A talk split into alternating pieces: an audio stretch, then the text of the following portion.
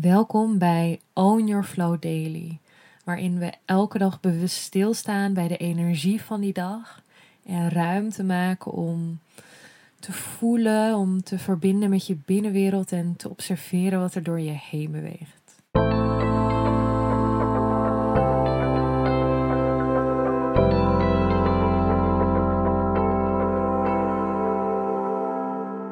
Welkom bij een nieuwe Own Your Flow Daily. Vandaag is het 27 februari met een afnemende maan in weegschaal. En het is ook de derde dag van de reis door het achtvoudige yogapad. Waarbij we op dag 1 dieper zijn gedoken in het thema Ahimsa. Ahimsa wat staat voor geweldloosheid. Daarna het thema Satya, wat staat voor waarheid. En als dit uh, de eerste daily is van die reeks die je luistert, het achtvoudige yogapad is eigenlijk een pad naar verlichting.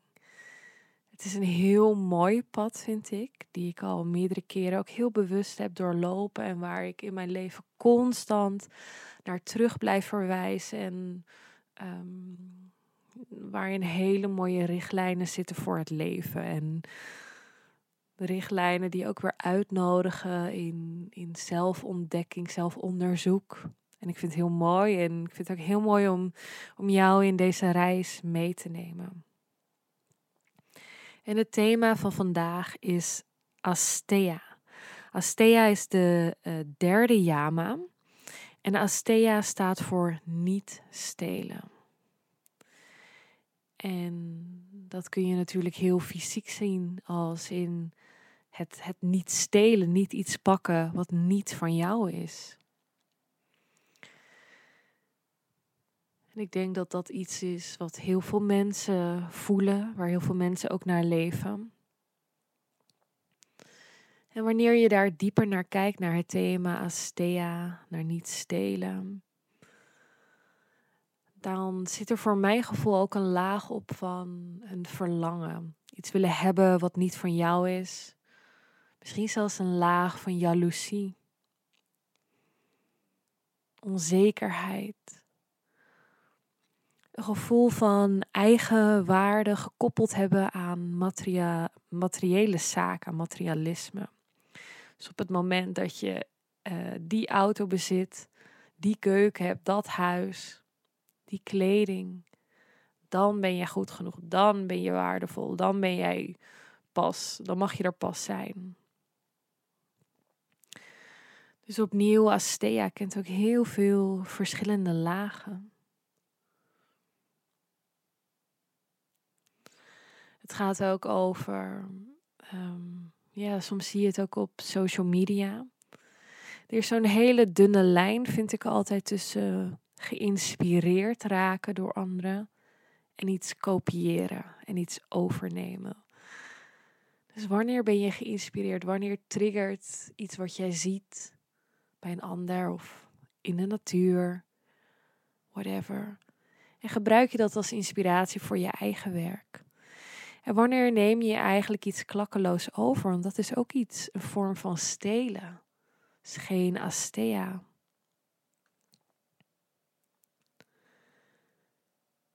Het is interessant ook voor jezelf om te onderzoeken hoe sta jij erin. Is dat iets wat bij jou gebeurt? Merk je dat mensen jou vaak nadoen of dingen van jou overnemen? Of ben jij juist iemand die dat doet? Dat vraagt dus ook weer het stukje satya, het stukje waarheid, eerlijk naar jezelf zijn. Echt eerlijk tegen jezelf durven zeggen van, oh, volgens mij doe ik dat. daar is helemaal niks mis mee. Dus daarin komt ook weer het stukje ahimsa oordeelloosheid, geweldloosheid in gedachten naar jezelf toe. Het is niet erg als je iets fout doet, fout tussen haakjes. Alles vraagt bewustzijn, alles vraagt ook eerlijkheid naar jezelf toe.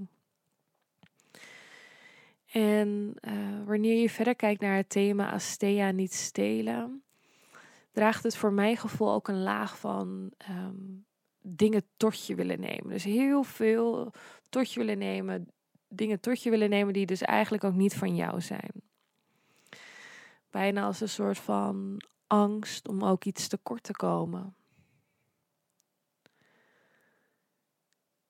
En dat is iets wat voor mijn gevoel heel erg voelbaar is, zeker in onze westerse maatschappij. Vind ik. Hm. Wat je ook zag in de corona, het hamsteren van al het wc-papier. Zo'n angst om tekort te komen. En wat ik daarin heel mooi vind, is het stukje delen in overvloed. Wanneer heb jij voor het laatst iets gedeeld met een ander, iets gegeven aan een ander, zonder dat je daar iets voor terug verwacht hebt? Heel vaak zit er namelijk een uitwisseling in, uh, bewust of onbewust. Als ik dit voor jou doe, wil jij dat dan voor mij doen? Of, oh wat lief dat ik die van jou heb gekregen, hier krijg je deze van mij. Of dat je iets geeft, maar dan stiekem wel verwacht dat de ander dan dat doet. Dus wanneer heb jij voor het laatst iets aan iemand gegeven, zonder daar iets voor terug te verwachten? Dus delen vanuit overvloed, dus dat er meer dan genoeg is voor jou op elk moment. En op het moment dat jij het nodig hebt, dat het dan ook vanzelf naar je toe zal komen.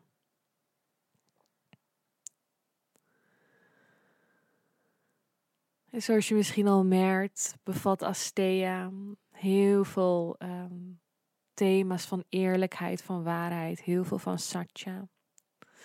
En dat is ook weer gelinkt aan het stukje karma voor mijn gevoel. What comes around, goes around. Dus dat wat jij een ander aandoet, komt ook weer terug bij jou. Dus op het moment dat jij van een ander steelt, wordt er ook weer van jou gestolen. Het is een soort cirkel. En juist met het stukje eerlijk zijn, daarin verbreek je die cirkel. Verbreek je dat stukje karma. Het gaat om bewustzijn van alles wat je tot je neemt. Jouw verantwoordelijkheid daarin te nemen. Jouw patronen en dynamieken daarin te herkennen. En er is nog een laag van Astea die ik voel. En dat is de laag van overconsumptie. Die noemde ik net ook al eventjes. Dus het tot je willen nemen van heel veel dingen. En nog een jurkje en nog eentje. Maar en, en in die kleur en in die kleur dan een sjaaltje. En dan moeten er die schoenen bij. En nog meer boeken. En ik maak me hier zelf ook heel erg schuldig aan. Ik ben echt een, een verzamelaar in die zin. Ja, maar wat neem je tot je? En hoeveel heb je eigenlijk echt nodig?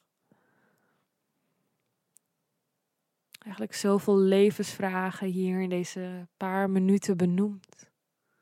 Om over te voelen, na te denken. Dus ik wil je ook uitnodigen om te voelen vandaag. Wat betekent uh, Astea voor jou? Hoe komt Astea terug in jouw leven op dit moment? En hoe is het voelbaar voor jou? Astea niet stelen. Ik wil je een hele mooie dag wensen vol verbinding. Dankjewel voor het luisteren en ik zie je morgen. Doei!